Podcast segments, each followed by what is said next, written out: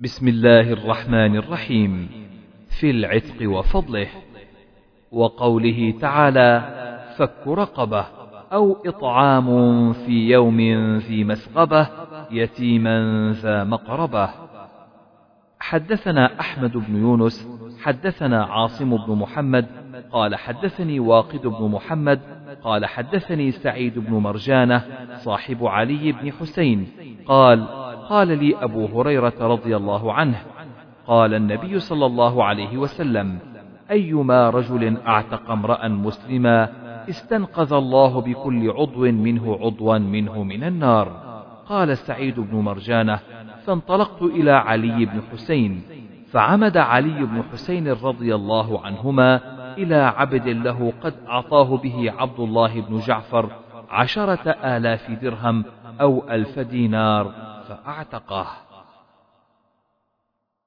باب أي الرقاب أفضل؟ حدثنا عبيد الله بن موسى عن هشام بن عروة عن أبيه عن أبي مراوح عن أبي ذر رضي الله عنه قال سألت النبي صلى الله عليه وسلم أي العمل أفضل؟ قال إيمان بالله وجهاد في سبيله. قلت فأي الرقاب أفضل؟ قال أغلاها ثمنا وأنفسها عند أهلها. قلت فإن لم أفعل. قال تعين صانعا أو تصنع لأخرق. قال فإن لم أفعل.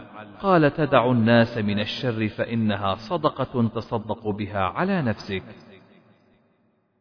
باب ما يستحب من العتاقة في الكسوف والآيات. حدثنا موسى بن مسعود حدثنا زائدة بن قدامة عن هشام بن عروة. عن فاطمة بنت المنذر عن أسماء بنت أبي بكر رضي الله عنهما. قالت أمر النبي صلى الله عليه وسلم بالعتاقة في كسوف الشمس. تابعه علي عن الدراوردي عن هشام.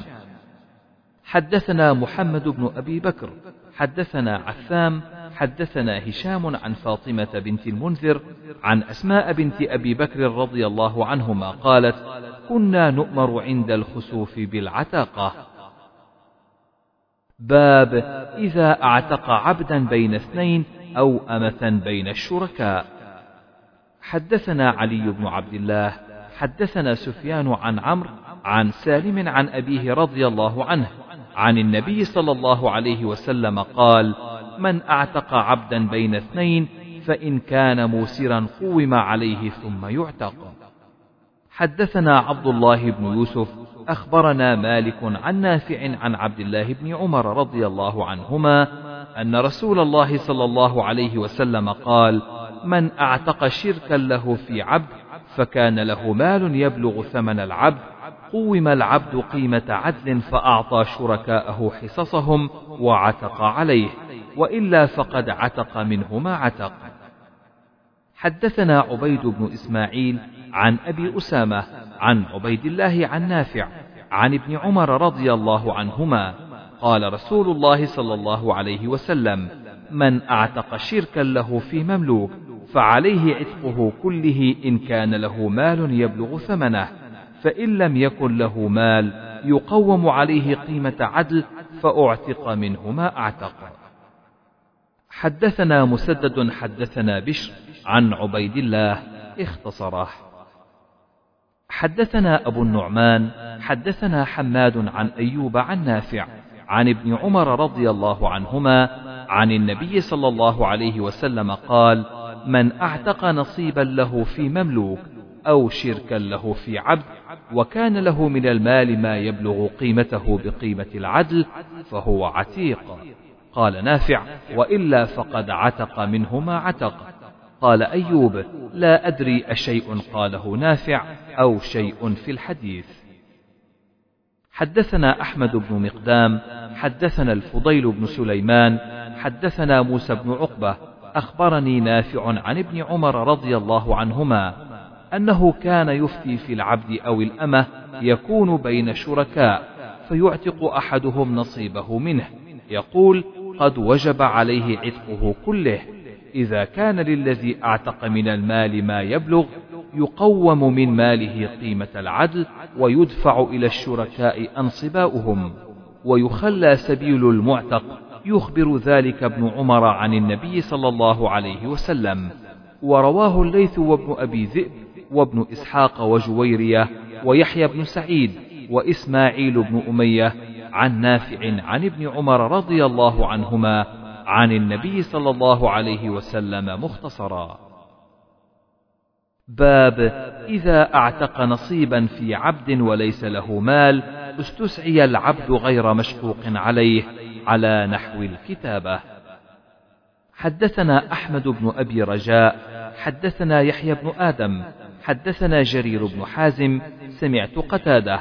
قال حدثني النضر بن أنس بن مالك عن بشير بن نهيك عن أبي هريرة رضي الله عنه قال قال النبي صلى الله عليه وسلم من أعتق شقيصا من عبد.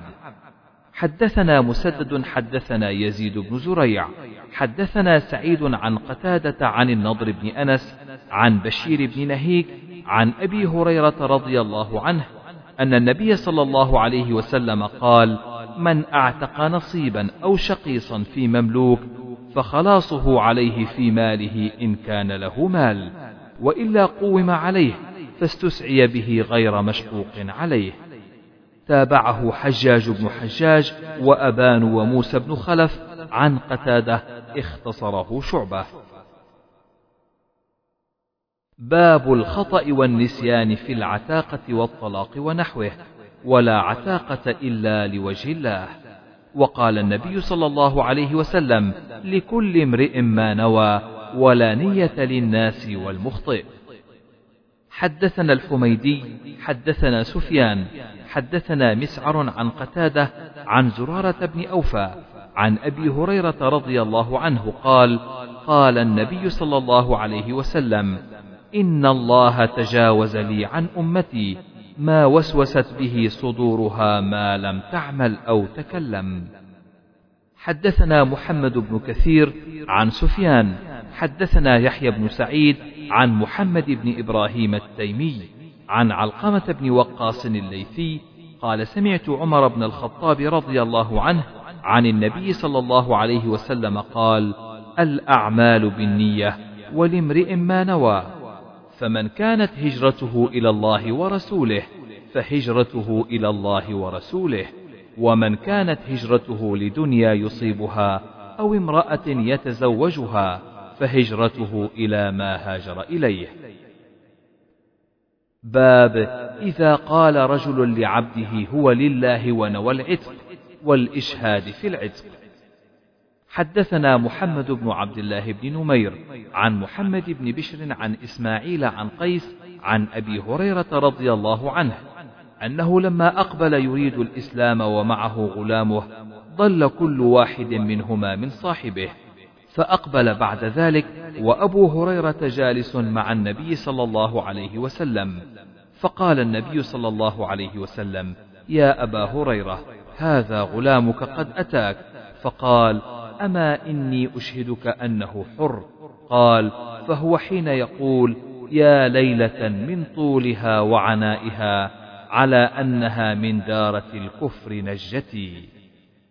حدثنا عبيد الله بن سعيد حدثنا أبو أسامة حدثنا إسماعيل عن قيس عن أبي هريرة رضي الله عنه قال لما قدمت على النبي صلى الله عليه وسلم قلت في الطريق يا ليلة من طولها وعنائها على أنها من دارة الكفر نجتي. قال وأبق مني غلام لي في الطريق. قال فلما قدمت على النبي صلى الله عليه وسلم بايعته فبين أنا عنده إذ طلع الغلام. فقال لي رسول الله صلى الله عليه وسلم يا أبا هريرة هذا غلامك. فقلت هو حر لوجه الله فأعتقته. لم يقل أبو كريب عن أبي أسامة حر. حدثنا شهاب بن عباد حدثنا إبراهيم بن حميد عن إسماعيل عن قيس قال لما أقبل أبو هريرة رضي الله عنه ومعه غلامه وهو يطلب الإسلام فضل أحدهما صاحبه بهذا وقال أما إني أشهدك أنه لله. باب أم الولد. قال أبو هريرة عن النبي صلى الله عليه وسلم من أشراط الساعة أن تلد الأمة ربها. حدثنا أبو اليمان أخبرنا شعيب عن الزهري. قال حدثني عروة بن الزبير أن عائشة رضي الله عنها قالت إن عتبة بن أبي وقاص عهد إلى أخيه سعد بن أبي وقاص أن يقبض إليه ابن وليدة زمعة. قال عتبة إنه ابني. فلما قدم رسول الله صلى الله عليه وسلم زمن الفتح أخذ سعد بن وليدة زمعة فأقبل به إلى رسول الله صلى الله عليه وسلم وأقبل معه بعبد بن زمعة. فقال سعد يا رسول الله هذا ابن أخي عهد إلي أنه ابنه. فقال عبد بن زمعة يا رسول الله هذا أخي ابن وليدة زمعة. ولد على فراشه. فنظر رسول الله صلى الله عليه وسلم إلى ابن وليدة زمعة فإذا هو أشبه الناس به. فقال رسول الله صلى الله عليه وسلم هو لك يا عبد بن زمعة من أجل أنه ولد على فراش أبيه. قال رسول الله صلى الله عليه وسلم احتجبي منه يا سودة بنت زمعة مما رأى من شبهه بعتبة وكانت سودة زوج النبي صلى الله عليه وسلم. باب بيع المدبر. حدثنا آدم بن أبي إياس حدثنا شعبة حدثنا عمرو بن دينار سمعت جابر بن عبد الله رضي الله عنهما قال أعتق رجل منا عبدا له عن دبر فدعا النبي صلى الله عليه وسلم به فباعه قال جابر مات الغلام عام أول. باب بيع الولاء وهبته. حدثنا أبو الوليد حدثنا شعبة قال أخبرني عبد الله بن دينار. سمعت ابن عمر رضي الله عنهما يقول نهى رسول الله صلى الله عليه وسلم عن بيع الولاء وعن هبته. حدثنا عثمان بن أبي شيبة. حدثنا جرير عن منصور عن إبراهيم عن الأسود عن عائشة رضي الله عنها قالت اشتريت بريرة فاشترط أهلها ولاءها فذكرت ذلك للنبي صلى الله عليه وسلم فقال أعتقيها فإن الولاء لمن أعطى الورق فأعتقتها. فدعاها النبي صلى الله عليه وسلم فخيرها من زوجها فقالت لو أعطاني كذا وكذا ما ثبت عنده فاختارت نفسها. باب إذا أسر أخو الرجل أو عمه هل يفادى إذا كان مشركا؟ وقال أنس قال العباس للنبي صلى الله عليه وسلم فاديت نفسي وفاديت عقيلا. وكان علي له نصيب في تلك الغنيمة التي أصاب من أخيه عقيل وعمه عباس.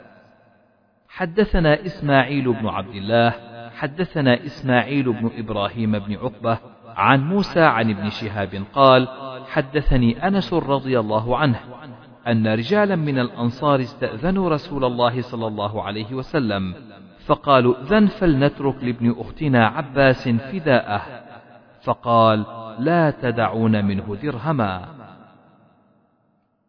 باب عتق المشرك. حدثنا عبيد بن إسماعيل حدثنا أبو أسامة عن هشام أخبرني أبي أن حكيم بن حزام رضي الله عنه أعتق في الجاهلية مئة رقبة وحمل على مئة بعير. فلما أسلم حمل على مئة بعير وأعتق مئة رقبة. قال فسألت رسول الله صلى الله عليه وسلم فقلت يا رسول الله أرأيت أشياء كنت أصنعها في الجاهلية كنت أتحنث بها يعني أتبرر بها؟ قال فقال رسول الله صلى الله عليه وسلم أسلمت على ما سلف لك من خير. باب من ملك من العرب رقيقا فوهب وباع وجامع وفدى وسب الذرية وقوله تعالى ضرب الله مثلا عبدا مملوكا لا يقدر على شيء ومن رزقناه منا رزقا حسنا فهو ينفق منه سرا وجهرا. هل يستوون؟ الحمد لله بل أكثرهم لا يعلمون. حدثنا ابن أبي مريم قال أخبرني الليث عن عقيل عن ابن شهاب ذكر عروة أن مروان والمسور بن مخرمة أخبراه أن النبي صلى الله عليه وسلم قام حين جاءه وفد هوازن فسألوه أن يرد إليهم أموالهم وسبيهم فقال إن معي من ترون وأحب الحديث إلي أصدقه فاختاروا إحدى الطائفتين إما المال وإما السبي وقد كنت استأنيت بهم وكان النبي صلى الله عليه وسلم انتظرهم بضع عشرة ليلة حين قفل من الطائف. فلما تبين لهم أن النبي صلى الله عليه وسلم غير راد إليهم إلا إحدى الطائفتين قالوا فإنا نختار سبينا. فقام النبي صلى الله عليه وسلم في الناس فأثنى على الله بما هو أهله ثم قال أما بعد فإن إخوانكم جاءونا تائبين. وإني رأيت أن أرد إليهم سبيهم فمن أحب منكم أن يطيب ذلك فليفعل ومن أحب أن يكون على حظه حتى نعطيه إياه من أول ما يفيء الله علينا فليفعل. فقال الناس طيبنا ذلك. قال إنا لا ندري من أذن منكم ممن لم يأذن فارجعوا حتى يرفع إلينا عرفاؤكم أمركم. فرجع الناس فكلمهم عرفاؤهم ثم رجعوا إلى النبي صلى الله عليه وسلم فأخبروه أنهم طيبوا وأذنوا فهذا الذي بلغنا عن سبي هوازن. وقال أنس قال عباس للنبي صلى الله عليه وسلم فاديت نفسي وفاديت عقيلا.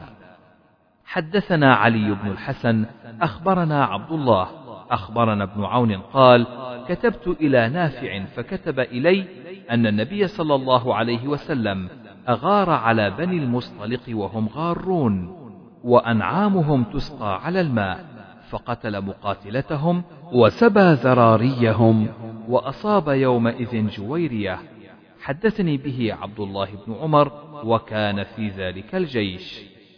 حدثنا عبد الله بن يوسف أخبرنا مالك عن ربيعة بن أبي عبد الرحمن عن محمد بن يحيى بن حبان عن ابن محيريز قال رأيت أبا سعيد رضي الله عنه فسألته فقال خرجنا مع رسول الله صلى الله عليه وسلم في غزوة بني المصطلق فأصبنا سبيا من سبي العرب فاشتهينا النساء فاشتدت علينا العزبة وأحببنا العزل.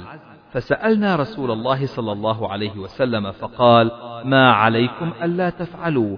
ما من نسمة كائنة إلى يوم القيامة إلا وهي كائنة. حدثنا زهير بن حرب حدثنا جرير عن عمارة بن القعقاع عن أبي زرعة عن أبي هريرة رضي الله عنه قال لا أزال أحب بني تميم. وحدثني ابن سلام أخبرنا جرير بن عبد الحميد عن المغيرة عن الحارث عن أبي زرعة عن أبي هريرة وعن عمارة عن أبي زرعة عن أبي هريرة قال ما زلت أحب بني تميم منذ ثلاث سمعت من رسول الله صلى الله عليه وسلم يقول فيهم. سمعته يقول هم أشد أمتي على الدجال قال وجاءت صدقاتهم فقال رسول الله صلى الله عليه وسلم هذه صدقات قومنا وكانت سبية منهم عند عائشة. فقال اعتقيها فإنها من ولد إسماعيل. باب فضل من أدب جاريته وعلمها. حدثنا إسحاق بن إبراهيم سمع محمد بن فضيل عن مطرف عن الشعبي عن أبي بردة عن أبي موسى رضي الله عنه قال قال رسول الله صلى الله عليه وسلم من كانت له جارية فعالها فأحسن إليها ثم أعتقها وتزوجها كان له أجران. باب قول النبي صلى الله عليه وسلم العبيد إخوانكم فأطعموهم مما تأكلون. وقوله تعالى واعبدوا الله ولا تشركوا به شيئا وبالوالدين إحسانا وبذي القربى واليتامى والمساكين والجار ذي القربى والجار الجنب والصاحب بالجنب وبن السبيل وما ملكت أيمانكم إن الله لا يحب من كان مختالا فخورا. ذي القربى القريب والجنب الغريب الجار الجنب يعني الصاحب في السفر. حدثنا آدم بن أبي إياس حدثنا شعبة حدثنا واصل الأحدب. قال سمعت المعرور بن سويد قال رأيت أبا ذر الغفاري رضي الله عنه وعليه حلة وعلى غلامه حلة فسألناه عن ذلك فقال إني ساببت رجلا فشكاني إلى النبي صلى الله عليه وسلم فقال لي النبي صلى الله عليه وسلم أعيرته بأمه؟ ثم قال إن إخوانكم خولكم جعلهم الله تحت أيديكم فمن كان أخوه تحت يده فليطعمه مما يأكل وليلبسه مما يلبس ولا تكلفوهم ما يغلبهم فإن كلفتموهم ما يغلبهم فأعينوهم. باب العبد إذا أحسن عبادة ربه ونصح سيده. حدثنا عبد الله بن مسلمة عن مالك عن نافع عن ابن عمر رضي الله عنهما أن رسول الله صلى الله عليه وسلم قال: العبد إذا نصح سيده وأحسن عبادة ربه كان له أجره مرتين.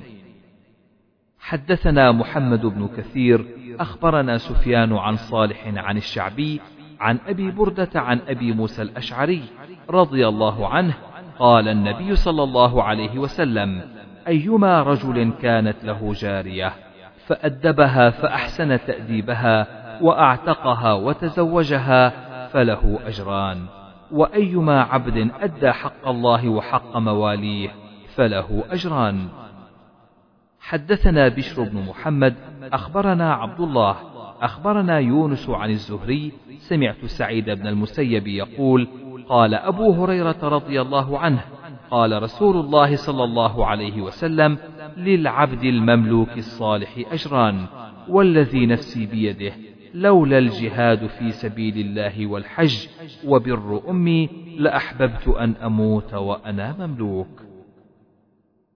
حدثنا إسحاق بن نصر حدثنا أبو أسامة عن الأعمش حدثنا أبو صالح عن أبي هريرة رضي الله عنه قال قال النبي صلى الله عليه وسلم نعم ما لأحدهم يحسن عبادة ربه وينصح لسيده. باب كراهية التطاول على الرقيق وقوله عبدي أو أمتي.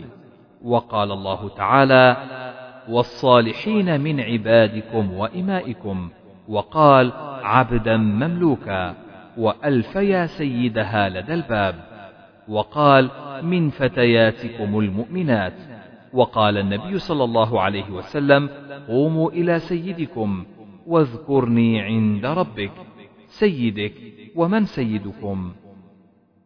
حدثنا مسدد حدثنا يحيى عن عبيد الله حدثني نافع عن عبد الله رضي الله عنه عن النبي صلى الله عليه وسلم قال إذا نصح العبد سيده وأحسن عبادة ربه كان له أجره مرتين.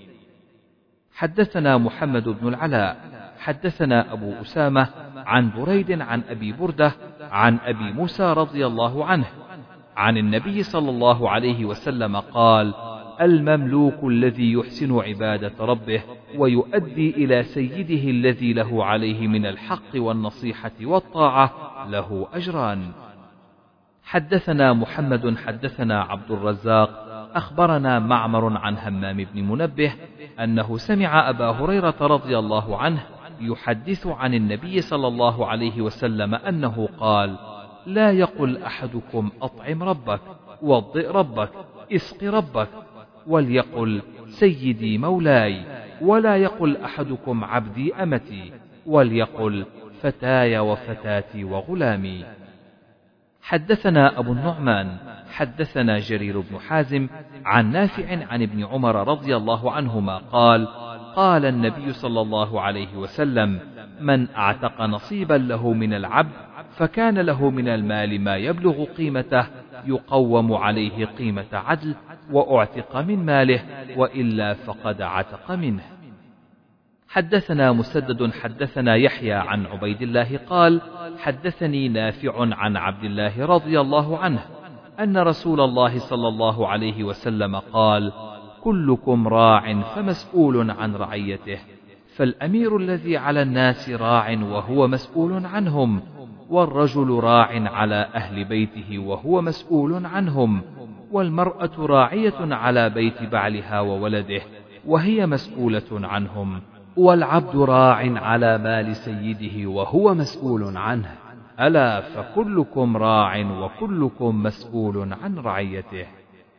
حدثنا مالك بن إسماعيل حدثنا سفيان عن الزهري حدثني عبيد الله سمعت أبا هريرة رضي الله عنه وزيد بن خالد عن النبي صلى الله عليه وسلم قال إذا زنت الأمة فاجلدوها ثم إذا زنت فاجلدوها ثم إذا زنت فاجلدوها في الثالثة أو الرابعة بيعوها ولو بضفير. باب إذا أتاه خادمه بطعامه. حدثنا حجاج بن منهال، حدثنا شعبة قال أخبرني محمد بن زياد، سمعت أبا هريرة رضي الله عنه عن النبي صلى الله عليه وسلم: إذا أتى أحدكم خادمه بطعامه فإن لم يجلسه معه فليناوله لقمة أو لقمتين أو أكلة أو أكلتين فإنه ولي علاجه. باب العبد راع في مال سيده ونسب النبي صلى الله عليه وسلم المال إلى السيد. حدثنا أبو اليمان أخبرنا شعيب عن الزهري قال أخبرني سالم بن عبد الله عن عبد الله بن عمر رضي الله عنهما أنه سمع رسول الله صلى الله عليه وسلم يقول: كلكم راع ومسؤول عن رعيته، فالإمام راع ومسؤول عن رعيته، والرجل في أهله راع وهو مسؤول عن رعيته، والمرأة في بيت زوجها راعية وهي مسؤولة عن رعيتها، والخادم في مال سيده راع وهو مسؤول عن رعيته، قال فسمعت هؤلاء من النبي صلى الله عليه وسلم وأحسب النبي صلى الله عليه وسلم قال والرجل في مال أبيه راع ومسؤول عن رعيته فكلكم راع وكلكم مسؤول عن رعيته. باب إذا ضرب العبد فليتجنب الوجه. حدثنا محمد بن عبيد الله حدثنا ابن وهب قال حدثني مالك بن أنس قال وأخبرني ابن فلان عن سعيد المقبوري عن أبيه عن أبي هريرة رضي الله عنه عن النبي صلى الله عليه وسلم. وحدثنا عبد الله بن محمد حدثنا عبد الرزاق أخبرنا معمر عن همام عن أبي هريرة رضي الله عنه عن النبي صلى الله عليه وسلم قال إذا قاتل أحدكم فليجتنب الوجه.